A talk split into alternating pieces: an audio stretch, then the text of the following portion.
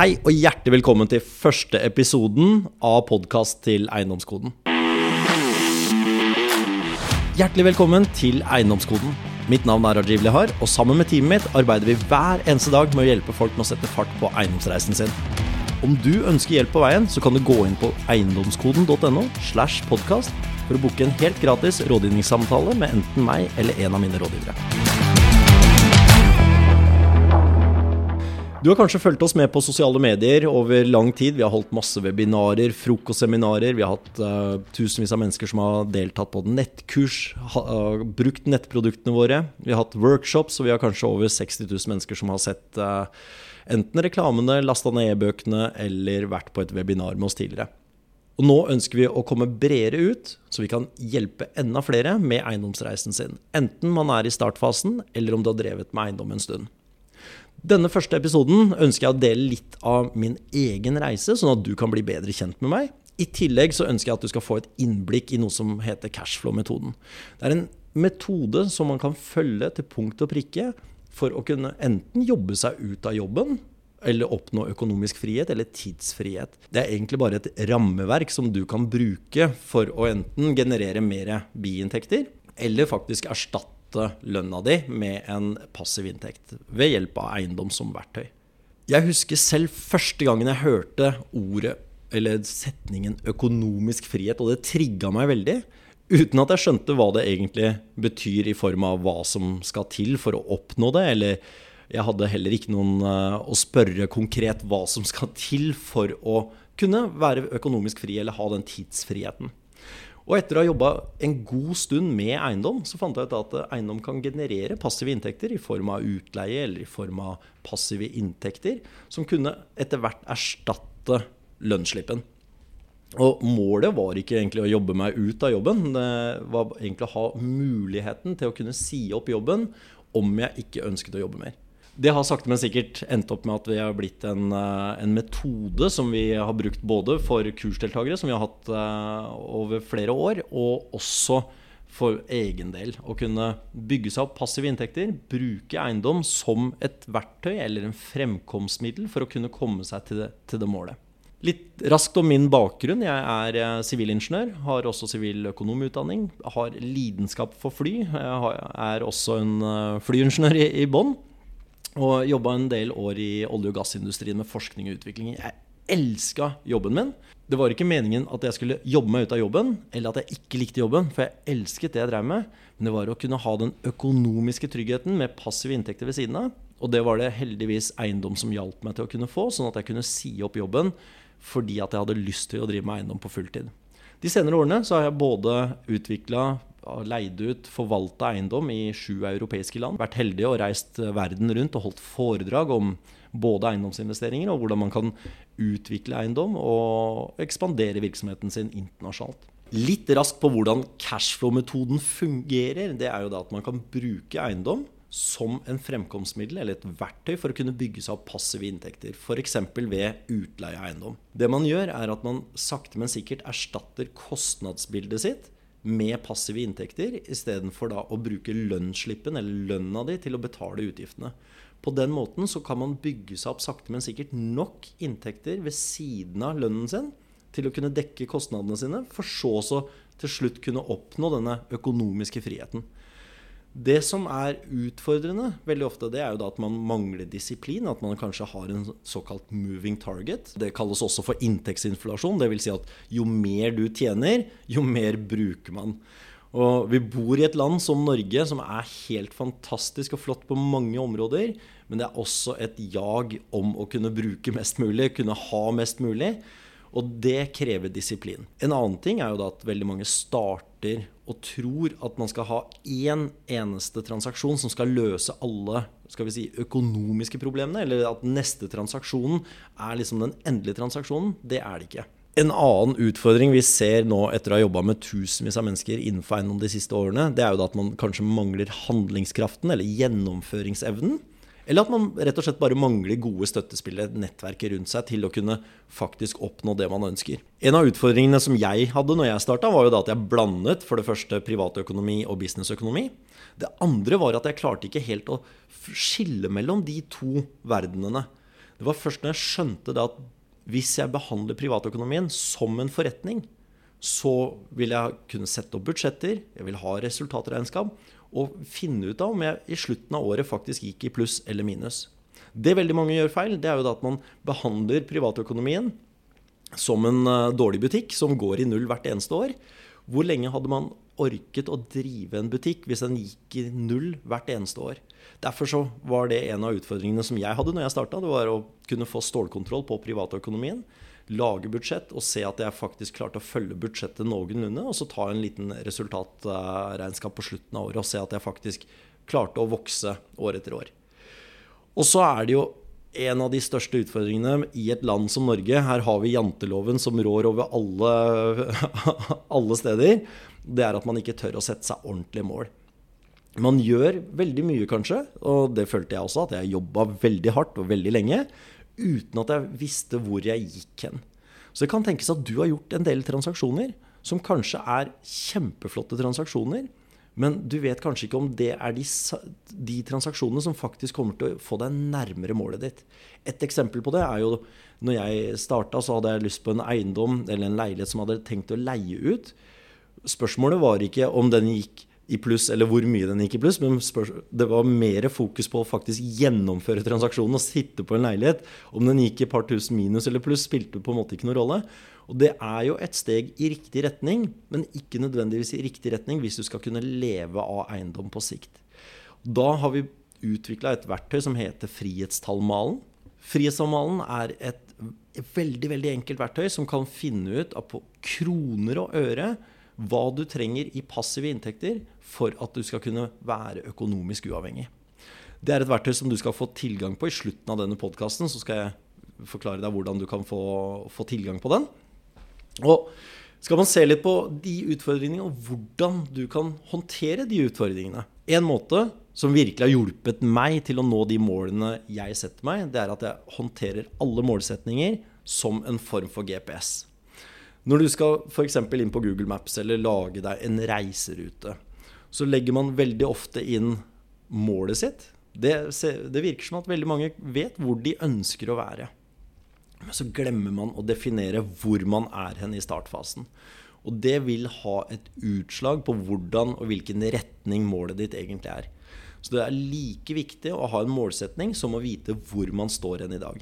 Derfor så har vi utvikla det frihetstallet som gjør at du vet til kroner og øre hva du har i forbruk i dag, som du kan jobbe deg sakte, men sikkert opp mot. Det andre er jo gi fra deg den tanken med at én eiendom eller én transaksjon løser alle problemer. Du må kanskje dele opp målsettingen din i flere småbiter. Se etter flere mindre transaksjoner som du faktisk kan gjennomføre. Men også det at du gir deg selv et lite albuerom for å lykkes. For hvis du har som målsetning om at én eiendom eller én transaksjon skal løse hele finansbildet ditt, så vil du måtte søke deg i hjel på finn.no eller på andre plattformer. For den ene transaksjonen er jo den transaksjonen alle ser etter. Så prøv heller å dele opp målsetningen i færre små transaksjoner. Og min start som første passiv eiendomstransaksjon, det var fremleie. Jeg leide en leilighet hvor jeg fikk lov til å leie ut et soverom. Så jeg pusset opp soverommet var egentlig bare med å male litt, bytte ut lister, gjøre det litt mer triveligere, sånn at jeg kunne legge ut den annonsen til en litt høyere sum enn det jeg betalte. I slutten av måneden så satt jeg kanskje igjen med 700 kroner i måneden. 700 høres kanskje ikke så veldig mye ut for deg, men for meg som en student uten egenkapital, uten finansieringsbevis, så var 700 kroner i måneden noe som betalte mobilregningen min. Og det var først da jeg skjønte at hvis jeg kan gjøre det med ett soverom og sitte igjen med 700, hva skjer om jeg får tak i ett soverom til? Da er det 1400. Og sakte, men sikkert så kan jeg dekke alle mine kostnader. Så det var sånn reisen min starta, og det var egentlig der lærdommen med å se etter små transaksjoner virkelig kom til syne.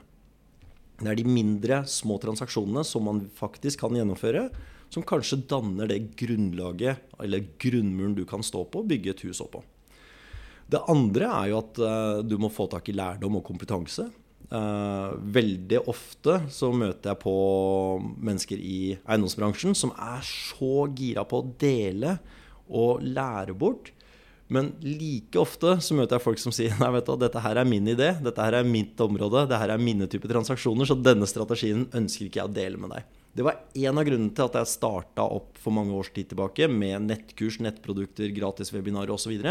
Fordi hadde jeg hatt den kunnskapen og kompetansen da jeg starta, som jeg ønsker å dele med deg, så hadde jeg kanskje spart meg for prøving og feiling i mange, mange år.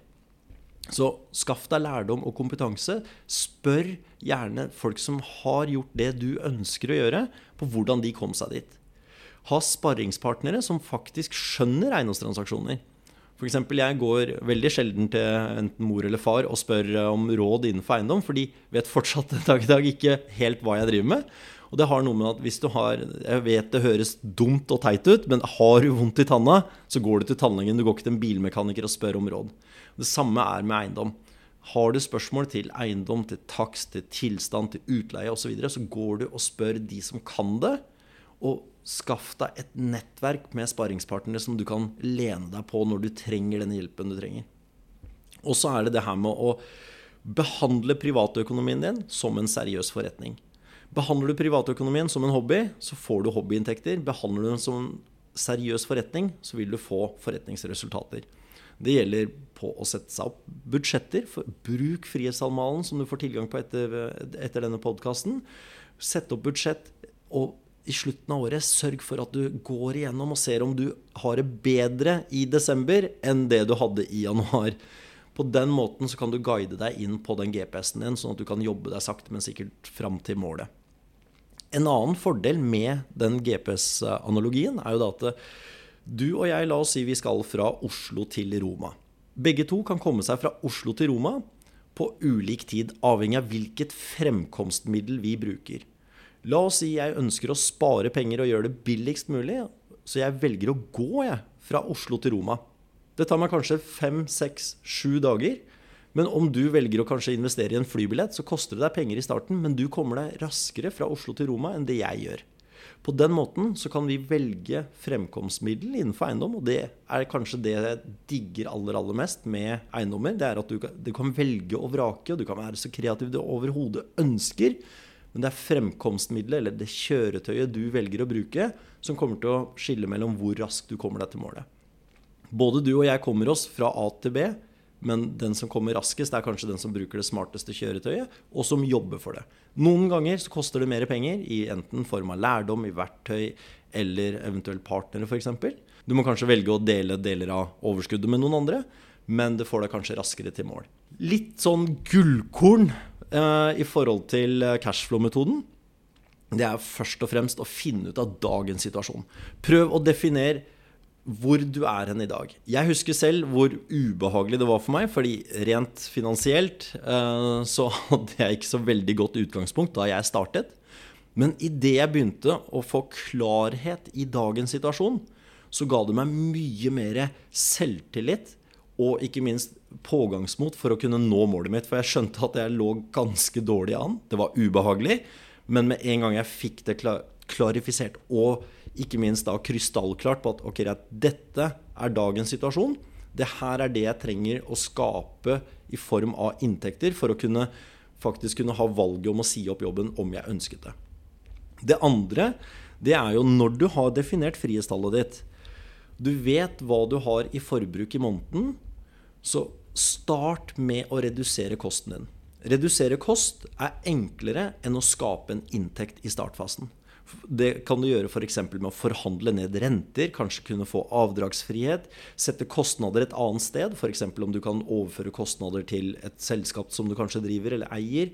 Kan du outsource noe av det du allerede driver med? Og ikke minst mindre sløsing. Etter å ha hatt over 6000-7000 én-til-én-rådgivningssamtaler i, i eiendomskoden og samme teamet, så ser vi da at veldig ofte så kan bitte, bitte små grep få deg 10-25% nærmere frihetstallet ditt hvis man bare gidder å ta tak i ting. Den måten man kan bruke cashflow-metoden på for å strategisk og metodisk nå målet sitt, det er jo rett og slett å ha den disiplinen. Disiplinen innebærer at du bygger opp passive inntekter med f.eks. eiendom som verktøy til å kunne dekke dine eksisterende kostnader. Så la oss nå si at du og jeg går ut og bruker tolv måneder på å finne en transaksjon som kan generere deg la oss si 5000 kroner i måneden, for å ta et eksempel. Da bruker du de 5000 som genereres av eiendom eller passive inntekter, til å dekke 5000 kroner i kostnader som du har i måneden. Per definisjon så skal ikke du ha tjent noe mer eller ha det bedre. Altså du skal ikke ha inntektsinflasjon og begynne å øke kostnadsbildet ditt med 5000 kroner. For det du gjør, er at du tar 5000 fra lønna di og setter av på en sparekonto. Så la oss nå si at du tjener 30 000 i måneden fra jobben din, og så får du 5000 i tillegg fra eiendom. Da har du totalt inntektsbilde på 35 000 i måneden. Du bruker 5000 av kontantstrømmen fra eiendom til å dekke regningene, og så tar du 5000 og setter deg på sperra konto. Så det du kan bruke per måned, er fortsatt 30 000 i måneden. Grunnen til at jeg ønsker at du skal gjøre det, det er punkt én at du psykisk gjør kroppen vant til å bruke cashflow til å leve av. Så la oss nå si at vi bruker enda et år og finner en ny transaksjon, bygger opp ytterligere 5000 i måneden. Da har du 10 000 i kontantstrøm du kan dekke regninger med. Og du har 10 000 fra lønna di som du setter av på separat konto. Gjør man dette metodisk, og bruker la oss si tre, fire, kanskje fem år på å finne små transaksjoner, så kan du sakte, men sikkert erstatte alle kostnadene dine til å bli dekket av kontantstrøm og ikke lønna di. Det som skjer her da, det er at du punkt én lærer deg å leve av kontantstrøm, altså sakte, men sikkert begynne å leve av kanskje eiendom. Det andre er at du setter av penger fra lønna di som du kan bruke som egenkapital når du f.eks. sier opp jobben og ønsker å gjøre en transaksjon. En av de tingene veldig mange gjør feil, er at de faller for det her med inntektsinflasjon. Altså at man, jo mer man tjener, jo mer begynner man å bruke. Det er fallgruve nummer én. Fallgruve nummer to er at man ikke har disiplin nok til å beholde kostnadsbildet der det er. Noe justeringer vil det selvsagt bli. Det kan være familieforøkelse, det kan være at du flytter, det kan være at ting er dyrere om et par år enn det det er i dag. Men hovedhensikten er at du lærer kroppen og psyken din til å disiplinere deg, til å bruke kontantstrøm for å leve av. Det andre er at man sier opp jobben eller inntektsgrunnlaget for tidlig. En eh, god mentor av meg fortalte meg at jeg må ha minimum tre måneder med høyere kontantstrøm eller høyere passiv inntekt enn kostnadsbildet før jeg kan i det hele tatt tenke på å si opp jobben. Det som er greia da, er at la oss si du har 31 000 kroner i måneden, og kostnadsbildet ditt er 30 000 i måneden. La Sørg for at det kostnadsbildet er konstant, og sørg for at inntektene er høyere enn kostnadsbildet ditt før du sier opp jobben. Så bruker du den summen fra lønna di til å sette deg på en egen bufferkonto. La oss si du venter tre måneder og du setter av 30 000 i måneden, så vil det være 90 000 som en bufferkonto. Den bufferkonten blir ditt sikkerhetsnett i tilfelle det blir noen variasjoner i utleie eller inntekter eller uforutsette kostnader, f.eks. når du har sagt opp jobben. Og målet med dette er ikke nødvendigvis å si opp jobben. Så la meg poengtere det med to streker under. Det er ikke nødvendigvis at du skal si opp jobben, men at du har det økonomiske bildet Målet er ikke at du skal nødvendigvis si opp jobben, men at du har den økonomiske tryggheten til at du kan si opp jobben hvis du ønsker det, og faktisk nærme deg til å kunne leve av eiendom på fulltid. For å kunne få til cashflow-metoden så trenger man ikke nødvendigvis å eie eiendommen. Det er også en fallgruve veldig mange går i. De tror at de må eie for å kunne tjene penger på eiendom. I fjor så gjorde jeg en transaksjon hvor jeg faktisk ikke eide transaksjonen. Jeg var ikke involvert i transaksjonen, annet enn at jeg lånte ut penger og får en cut av det overskuddet den transaksjonen gir. Det er kanskje den beste transaksjonen jeg gjorde i fjor, for jeg brukte minimalt med tid og kun kom inn med pengene. Om man ikke har egenkapitalen, f.eks., så kan man starte sånn som jeg gjorde, og veldig mange av kursdeltakerne våre gjør. Det er f.eks. med forvaltning av eiendom på vegne av en eier. Eller fremleie, hvor du f.eks. leier en eiendom. Du ser kanskje potensialet i å lage bedre annonse, kanskje gjøre det litt mer appellerende med male vegger, gjøre om planløsning f.eks. til å få en mer effektiv utleieverdi. Og på den måten sitte igjen med en liten køtt av overskuddet når den er leid ut. Man kan også f.eks. gå inn med en partner. En av mine partnere som har gjort eh, transaksjoner for over 150 millioner kroner de siste par årene, han er veldig ofte med som en partner. Han finner transaksjonene, han finner eiendommene, strukturerer de, hjelper til med f.eks. å få finansieringen for de som skal kjøpe eiendommen. Gjennomføre transaksjonen med f.eks. oppussing, oppgradering, endre planløsning. Og så deler de på den kontantstrømmen som kommer i måneden. For den personen som kjøper, har kanskje ikke tiden eller erfaringen til å gjennomføre. Og den som gjennomfører, har kanskje ikke økonomien eller finansieringsbeviset til å gjennomføre transaksjonen. I dette tilfellet så vil det være en vinn-vinn-transaksjon. Man kan også f.eks. gjøre sånn som jeg gjorde i startfasen, hvor jeg da leide ut en leilighet som var en toroms, og fikk 10 000 kroner i måneden. Man kan kanskje optimalisere planløsningen til å gjøre den om til treroms eller fireroms, og kanskje få 15 000 i måneden istedenfor 10 På den måten så har man da økt inntektspotensialet på én og samme eiendom. Og igjen, la meg poengtere, du trenger ikke nødvendigvis å måtte eie transaksjonen for å kunne være med på den og kunne dra nytte av enten kontantstrømmen, verdiskapningen eller hva enn det måtte være som trigger deg aller, aller mest. Da er vi på veis ende i denne episoden, og håper virkelig du får med deg noen av læringspunktene og jobber videre med å få satt det ut i livet. Så ikke glem å abonnere på der du lytter på podkaster. Legg gjerne igjen en kommentar og en rating. Det hjelper oss nemlig til å nå ut til enda flere, og håper virkelig vi kan hjelpe enda flere. Ikke glem at du kan få en gratis rådgivningssamtale hvis du går inn på eiendomskoden.no. slash podcast. Der vil du også få tilgang på Frihetstallmalen når du booker en samtale. Med det så ønsker jeg deg en fortreffelig god dag videre, så høres vi igjen i neste episode.